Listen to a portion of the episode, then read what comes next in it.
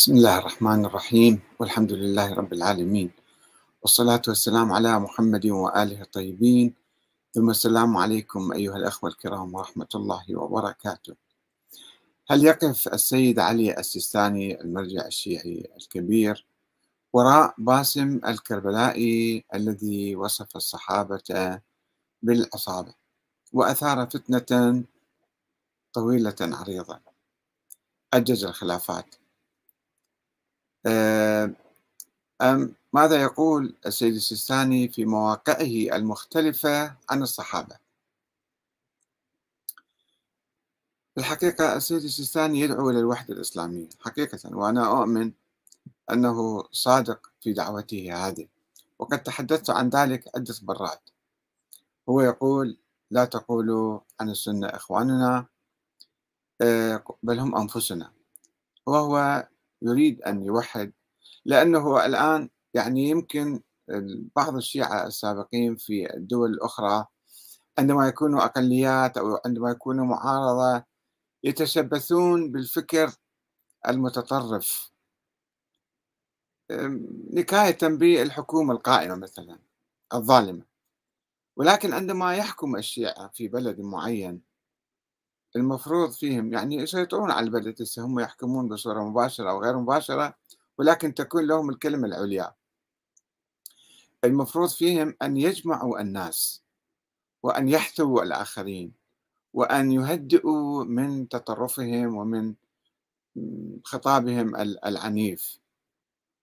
وشوفوا أنتم بعض البلاد ما أجيب أسماء أنتم تعرفوهم هم أقلية مثلا ويحكمون البلد. ولكن يحترمون آه، ثقافة البلد يحترمون مشاعر البلد لا يسيئون إليهم بالعكس يضعونهم في الواجهة.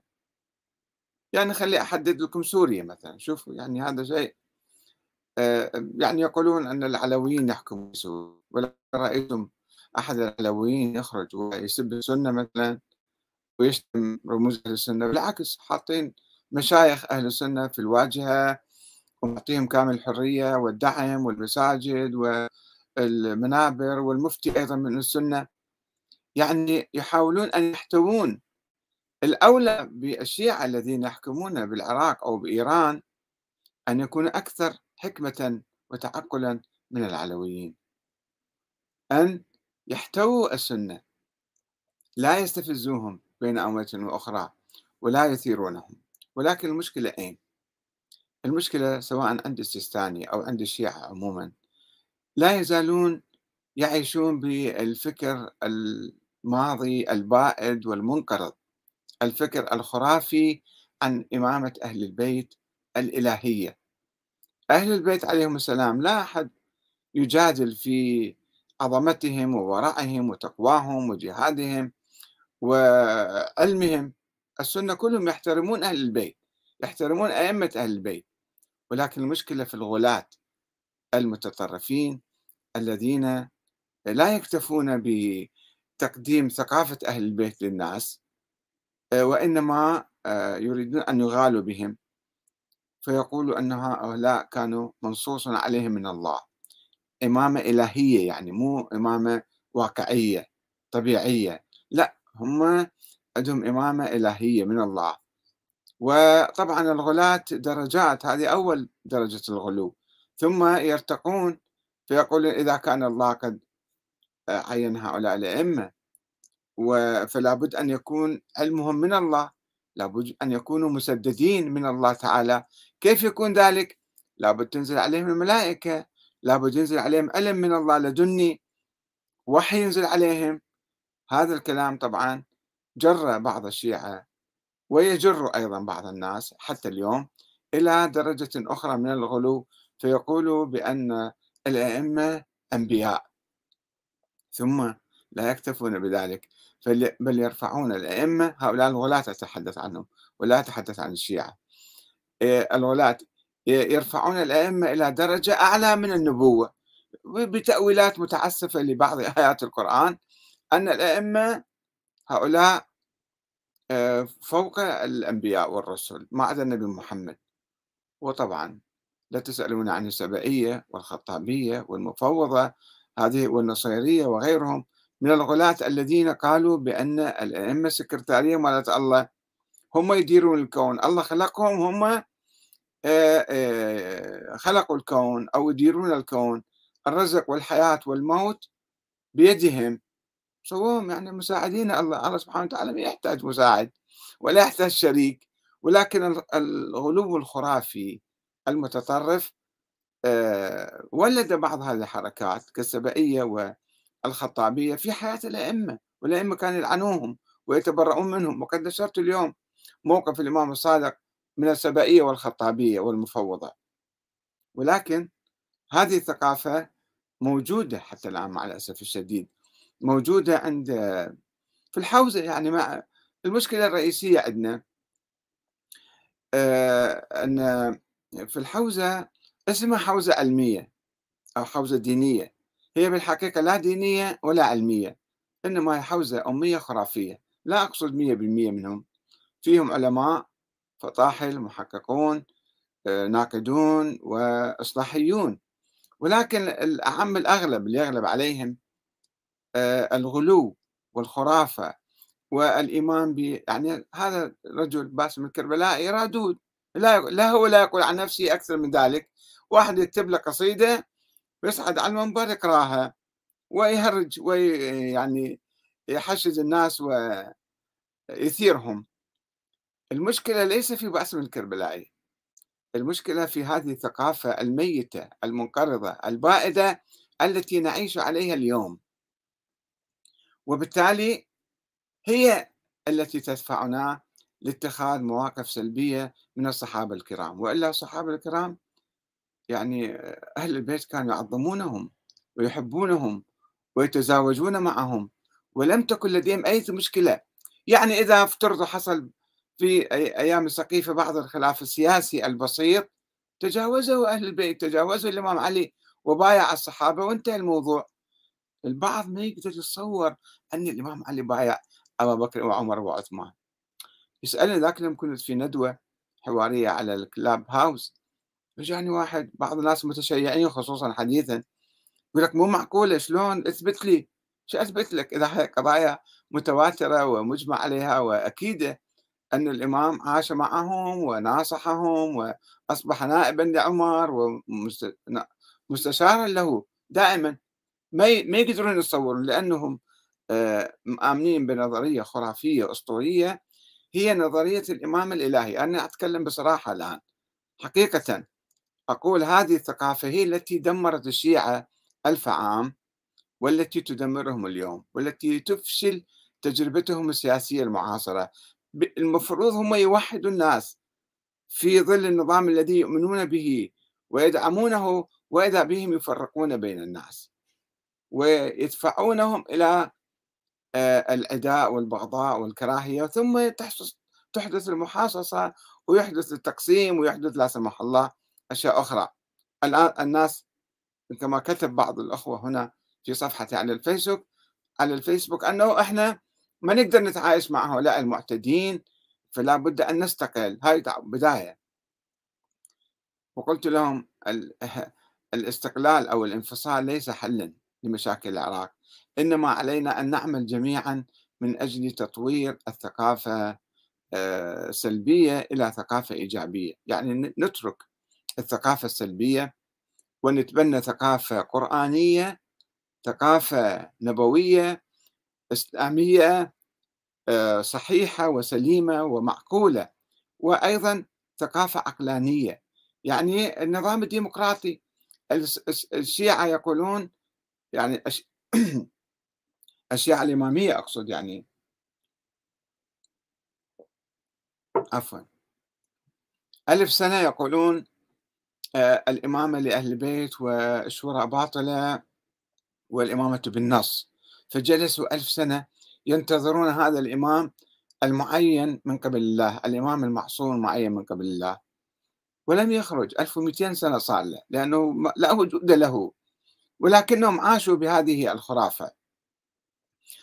الآن ثاروا على هذه النظرية وتخلوا عن نظرية الإمامة عمليا فلم يعودوا يشترطون العصمة والنص والسلالة في الحكام في رئيس الجمهورية أو رئيس الوزراء أو أي حاكم حتى الولي الفقيه لا يشترطون فيه أن يكون معصوما معينا من قبل الله. يقولون يكفي أن يكون واحد فقيها عادلا ويصير إمامنا.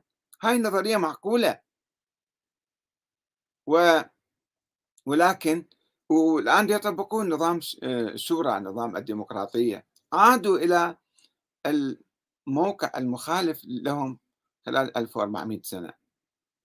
فلماذا يتشبثون إذا بهذه الثقافة الميتة والمنقرضة والمستحيلة الثقافة الخرافية الأسطورية التي لا يوجد عليها أي دليل من القرآن ولا من السنة النبوية ولا من أهل البيت. دليل ثابت وقاطع. البعض الأخوة سأقرأ مداخلاتهم لا يعتقدون أن هذه آه، في نفس الوقت شوفوا قلت لكم أن السيد السيستاني لا أعتقد أنه يقف وراء باسم الكربلائي ولكنه آه، يعني يرعى الثقافة الميتة. الثقافة الخرافية الأسطورية في مواقعه المختلفة ومن ومن مواقعه هذا الموقع موقع عقائد مركز مركز الأبحاث العقائدية التي لا تبحث في شيء إنما تكرر وتشتر التراث الموجود.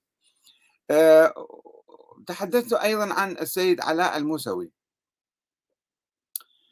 آه، السيد علاء الموسوي كان رئيس الوقف الشيعي السابق آه، استقال قبل سنتين وعينه واحد آخر فادلى بدلوه الآن حول موضوع رادود باسم الكربلائي وقال تصريح يعني صحفي قال لا نتبرأ من كل الصحابة وفيهم أجلاء وصلحاء وشهداء. أكيد صحيح.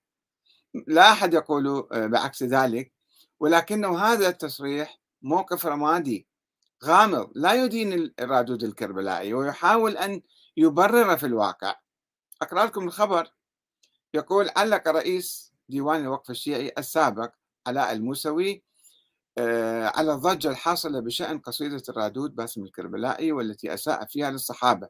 وقال الموسوي في تصريح له في 13 أيلول 2022 لا حكم مطلق عندنا على عنوان الصحابة ونحن لا نقول والعياذ بالله كل الصحابة ليسوا صالحين أو نتبرأ منهم. حاشا الله حاشا لله ولكن نتبنى نظرية ولكن ولا نتبنى نظرية عدالة الصحابة جميعا. بل نقول فيهم الصالحون وفيهم غير ذلك. هذا حتى السنة يقولون بذلك. هذا ما أنت ما جاي يعني فتح جديد مسوي. حتى السنة يقولون هناك ناس منافقون كانوا. والآية القرآنية الكريمة تقول بذلك ما يحتاج واحد يعني يخالف القرآن أو يجيب شيء جديد يعني بالموضوع. آآ آآ آآ الآية الكريمة تقول يعني معذرة يعني أنه في في يعني منافقين لا تعلمهم حول المدينة. هناك منافقين أنا أقرأ الآية شوية ذاكرتي ضعيفة جدا. سامحوني يعني بذلك. نعم.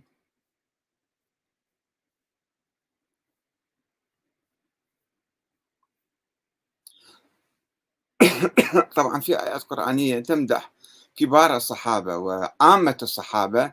إلا الشاذ إحنا الشاذ آه، آه، نجي نتأكد من عند أنه هذا الشذ عنهم أو لا بأدلة ثابتة قطعية.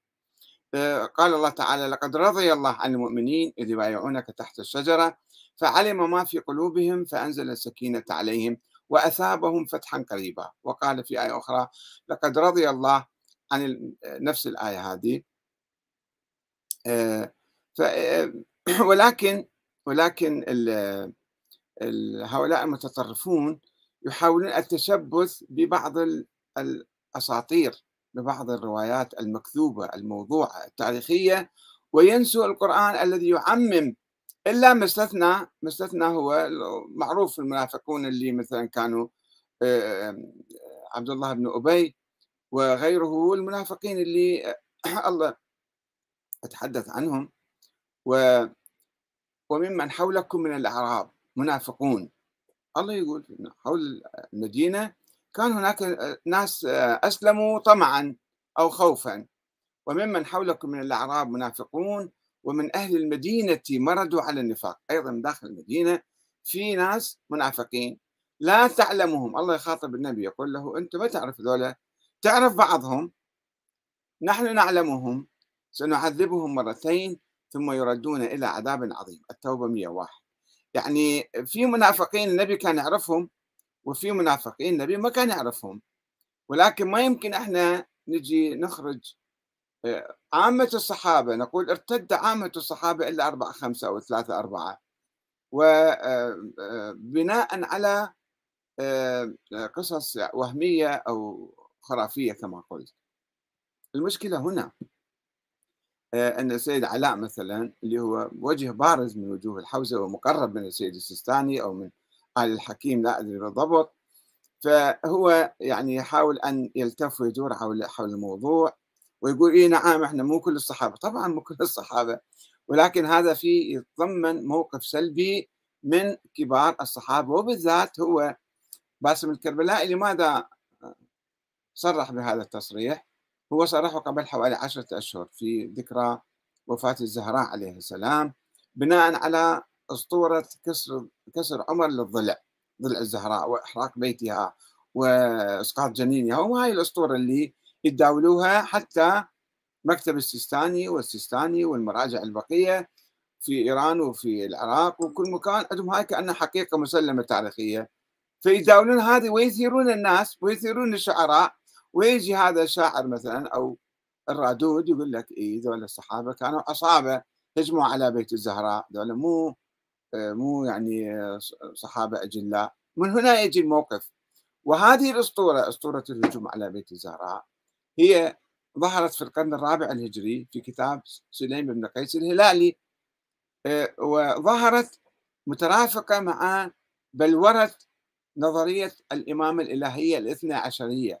في القرن الرابع الهجري في أيام الشيخ المفيد والشيخ الصدوق والطوسي وذول الجماعة في القرن الرابع. سموهم هاي الأسطورة لكي يبرروا بيعة الإمام علي لأبي بكر وعمر وعثمان. شلون الإمام علي يروح يبايع أبا بكر؟ لابد أنه هجموا على بيته واستخرجوه من البيت وكسروا ضلع الزهرة وحرقوا بابه. يعني دائما يثيرون الفتنة بهذه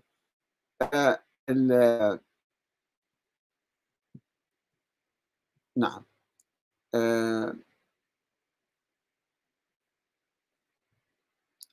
إذا نشوفوا خلينا نشوف الموقع هذا موقع التابع للسيستاني اللي هو موقع مركز الأبحاث العقائدية. مكتوبين كاتبين في الملاحظة يقول الآراء الواردة في موقع مركز الأبحاث العقائدية لا تمثل بالضرورة رأي سماحة السيد السيستاني. يعني قد تمثله وقد لا تمثله. مو بالضرورة يعني واحد كتب كلام مقالات وكتب وكذا فيها ناس يعني هم مسؤولين عن أنفسهم ولكن السيستاني يرعى هذا الموقع. يرعى مركز الأبحاث العقائدية وهذا جزء من مكتب السيستاني. وبالتالي هو مسؤول عنه بالحقيقة. حتى لو قال لي أو كتبوا أنه أنا مو مسؤول عنه لا يمثلنا بالضرورة. ولكن تعالوا نشوف شلون يستميتون في آه، يعني التفريق بين الصحابة واتهام آه، كبار الصحابة وإخراج آه، الشيخين أو الخلفاء الراشدين من الآيات اللي تترضى عليهم اللي بالقرآن موجودة. ويحاولون دائما يأولون متعبين نفسهم. وصارفين أكيد أموال بالملايين صدقوني. لأن كتب ومحاضرات وترجمة آه، إلها ويعني شغلهم قايمين قاعدين. بث هذه الثقافة الميتة محاولة إحياء الثقافة المنقرضة. يعني نظرية الإمامة هي منقرضة لا وجود لها اليوم. منذ 1200 سنة الإمام العسكري آخر إمام الحسن العسكري توفى سنة 260 للهجرة ولم يتحدث عن نظرية الإمامة أصلا ولم يتحدث عن وجود ولد له. ولكنهم بعد ذلك اختلقوا ولدا له بالسر وقالوا هذا هو الإمام الثاني عشر وهو المهدي المنتظر وغائب حتى اليوم خلافا للعقل وخلافا للقرآن وخلافا للواقع. أنه واحد عمره 1200 سنة والنبي يقول أعمار أمتي من 60 و 70 فخلينا نلقي نظرة على هذا الموقع كيف يحاول أن يعني ينظر ويؤدلج ويؤسس إلى ويدافع عن نظرية الإمام نظرية الإمامة الإلهية التي تتنافى مع القرآن ومع الواقع. المعنى اللغوي آه، والاصطلاحي للصحابي. من هو الصحابي؟ طبعا أكيد مو كل صحابي أكو ناس السابقون الأولون من المهاجرين والأنصار. غير الصحابة اللي إجوا بس شافوا النبي صاروا صحابة مثلا أو المنافقين اللي دخلوهم ويا هؤلاء. المشكلة أنه هذا الموقف السلبي من من خيار الصحابة من أوائل المهاجرين والأنصار. ثم يجي معنى عدالة الصحابة. شنو معنى عدالة الصحابة؟ الكلام في عدالة الصحابة في النقل. جميع الصحابة بين الجرح والتعديل أنه إحنا مو نقبلهم كل مرة واحدة بسلة واحدة إنما ننظر. طيب تنظر على ماذا؟ بناء على ماذا؟ تجتهد على ماذا في هذا الموضوع؟ آية آية بيعة الرضوان لا تدل على عدالة الصحابة جميعا. هاي مواضيع أقرأ لكم إياها من مركز الأبحاث العقائدية عنوان الصحابة وعدالة الصحابة. الموقف من الصحابة. العدالة لا تحصل من آية التوبة. موقف الإمامية من الصحابة. لا دلالة لقول رسول الله صلى الله عليه وآله ألا فليبلغ منكم الشاهد الغائب؟ على عدالة الصحابة. رأي الشيعة في الصحابة. لا طعن بالنبي لعدم عدالة صحابته. تعريف الصحابة أو الصحابي عند الشيعة. استدلال عقيم على عدالة الصحابة. حقيقة الخلاف بين الشيعة والسنة في الصحابة. إشكالات وردود موقف الشيعة من الصحابة.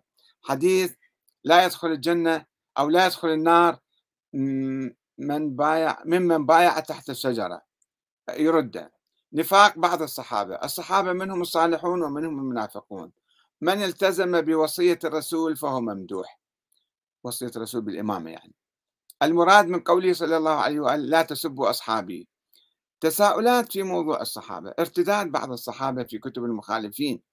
هداية الصحابة لم تكن بالإجبار دلالة آية محمد رسول الله والذين آمنوا معه. آية الذين آمنوا معه تخص المؤمنين من الصحابة. آيات المدح لا تشمل الجميع. تصوير رضا الله على الصحابة في آية الرضوان. الآيات النازلة في حق الصحابة لا تعم الجميع. لا توجد آية يستفاد منها العموم في مدح الصحابة. المراد من آية كنتم خير أمة أخرجت للناس الاستدلال على اتباعهم بآيات قرآنية غير صحيح الصحابة والانقلاب على الأعقاب. القول بأن الله اختار جميع الصحابة أنبياء آه، أنبياءه صالحين.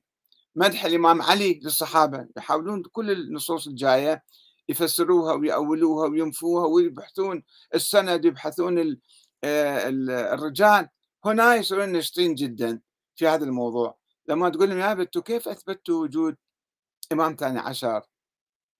ما هو الدليل الإمام العسكري قال أنا ما عندي أولاد. يقول لك لا عندنا أدلة عليه عقلية وفلسفية وروائية وما أدري شنو يقوموا يجيبوا لك ما يبحثون لا بالسند ولا يبحثون بالعقل فيثبتون أساطير وقت ما يشاءون وينفون حقائق وقت ما يشاءون لحتى يمشون نظريتهم. المهم حوالي 65 آه، موضوع كاتبين حول الصحابة وشلون الصحابة كل الدور حول أنه الصحابة فيهم منافقين وهذا أكيد ما نعرف إحنا ولكن أنتم قاعد تجون على كبار الصحابة والذين اختارهم المسلمون وكانوا مقربين جدا من رسول الله صلى الله عليه وآله والمهاجرين والأنصار وذولا قاعد تسيئون لهم وتتهموهم وبعدين البعض المتطرف يسب ويلعن مثلا. فالمشكلة هنا الأخ علي مارد الأسدي. يجاوبنا على هذا السؤال أنه هل يقف السيستاني وراء آه، باسم الكربلائي؟ وماذا يقول في مواقعه المختلفة؟ يقول كفى مغالطات الشيعة لديهم موقف نقدي معروف من بعض الصحابة ما الجديد في الأمر؟ هل تطالبهم أن يتحولوا عن عقيدتهم ويتبنوا نهج السنة في عدالة الصحابة أنه كلهم أو كبار على الأقل؟ فقلت له لعلي مارد الأسدي. نعم هذا واضح. ولكن المشكلة تكمن في تفسيق وتكفير وتضليل خيرة الصحابة مثل أبي بكر وعمر رضي الله عنهما. خلافا للتاريخ الصحيح وبناء على نظريات خيالية أسطورية مثل دعوى النص على الإمام علي وتعيينه من قبل الله خليفة على المسلمين وذول اجوا اغتصبوا الخلافة من عنده. فصاروا منافقين صاروا مرتدين. صاروا كذا. هذا الموقف السلبي. موقف ايديولوجي يعني مبني على نظرية معينة تنعكس في التاريخ. على العكس مما كان يؤمن الإمام علي نفسه والذي لم يكن يعتبر نفسه لا معينا من قبل الله ولا معصوما ولا محزنون. ولذلك لا بد من إعادة قراءة التاريخ الإسلامي وتاريخ أهل البيت بعيون محايدة موضوعية وعلمية مو بالشعارات وبال بال يعني كما نريد. آه، نشوف نفس المشكلة. الأخ جواد علي يقول خيرة الصحابة وما يحترمون مرشح النبي اللي خلانا نعرف كذا. يعني آه، أنه هذه العقيدة ما دام عندهم موجودة أنه هذا النبي رشحها للخلافة أو عينه في غدير خوم فخلص دولة ليش ليش انقلبوا على النبي؟ انقلبوا على الإمام علي فصاروا ذولا آه، يعني صاروا منافقين مرتدين كافرين كما آه، يقول المتطرفون من الشيعة. آه، يعني الأخ علي مارد مرة ثانية يجي يقول أنت لم تأتي بجديد في تعليقك هذا أنت تطلب من الشيعة أن يمنحوا حصانة حصانة لمن دبروا مؤامرة السقيفة. السقيفة مسألة عقلية.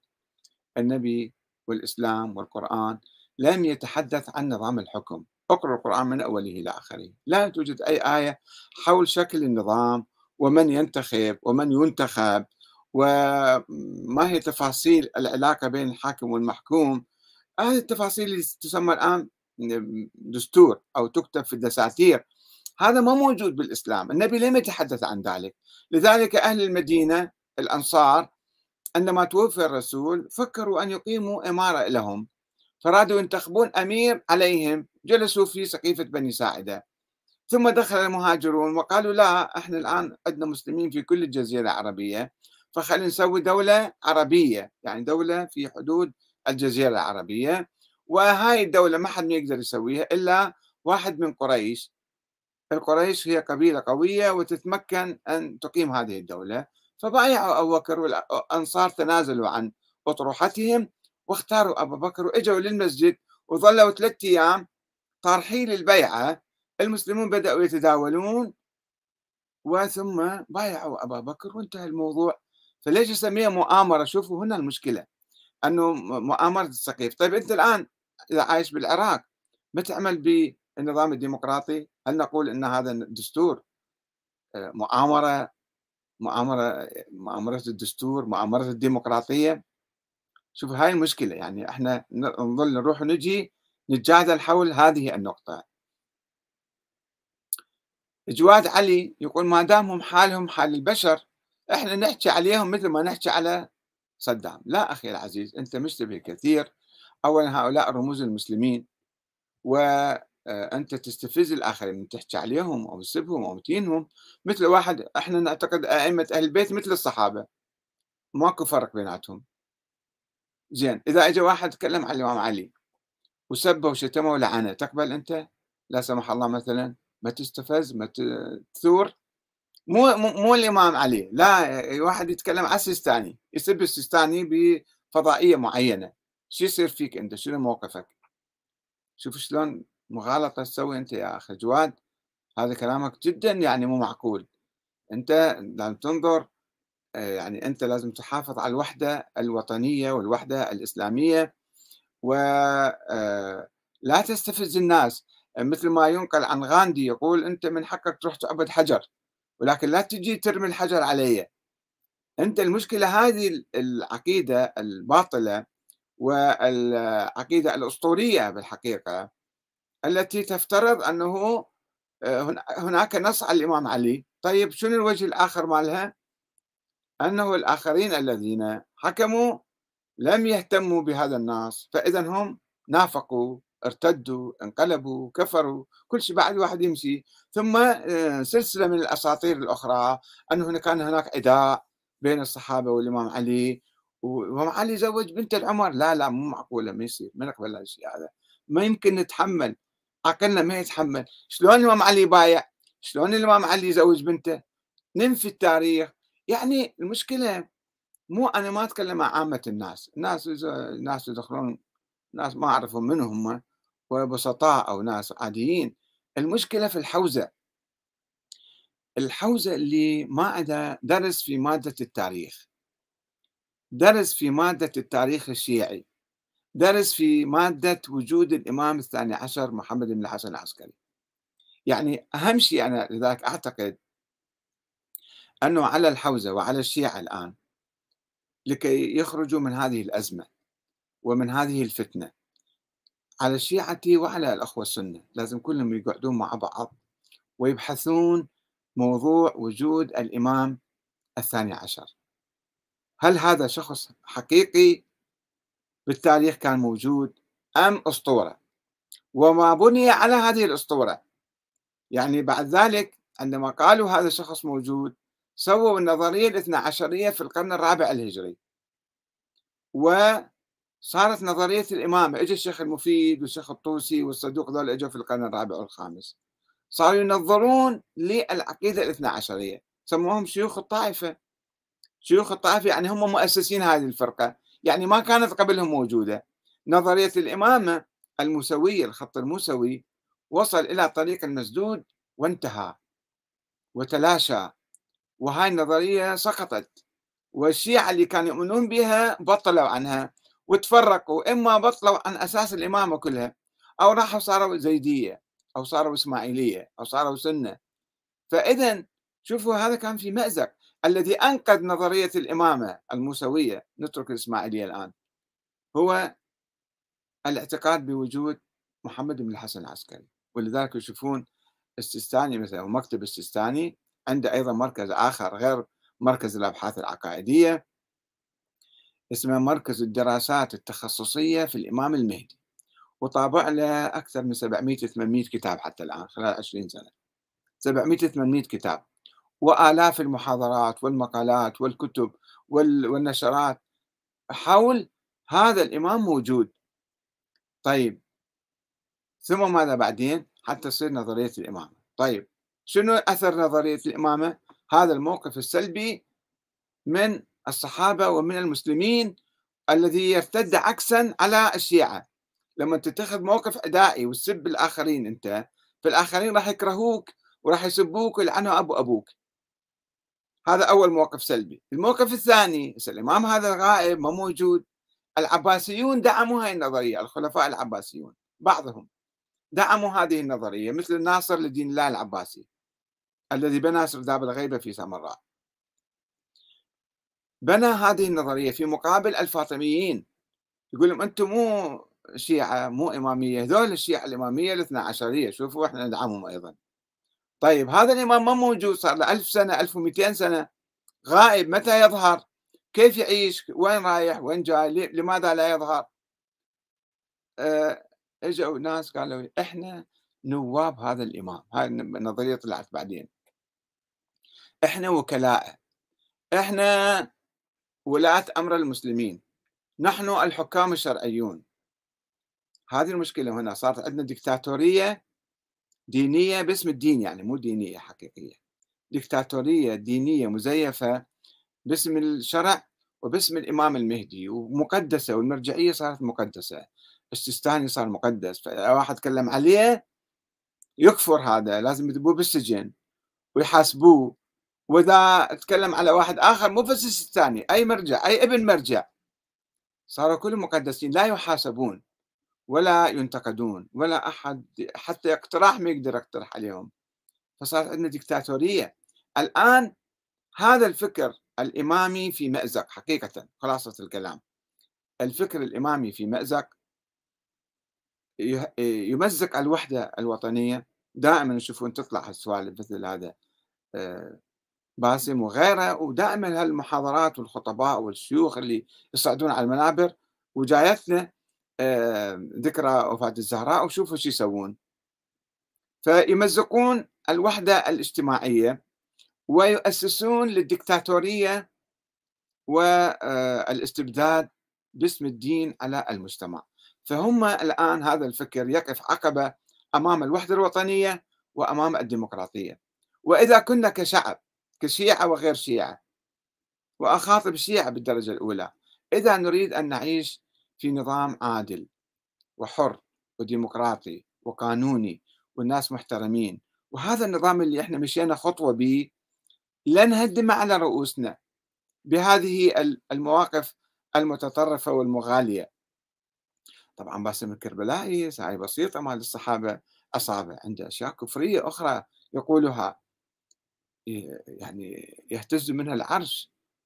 كلمات كفرية مغالية ولا أحد يهتم بكلامه. فهذا كله يسبب يعني محاصرة الشيعة والرد عليهم والعداء وتشجيع العنف الداخلي ضد الشيعة أيضا. يعني أنت من تسب صحابي أو تسب رمز من رموز الآخرين فهذا راح يخلق كما خلق. يعني داعش من المحرضين على داعش هو الفكر المتطرف.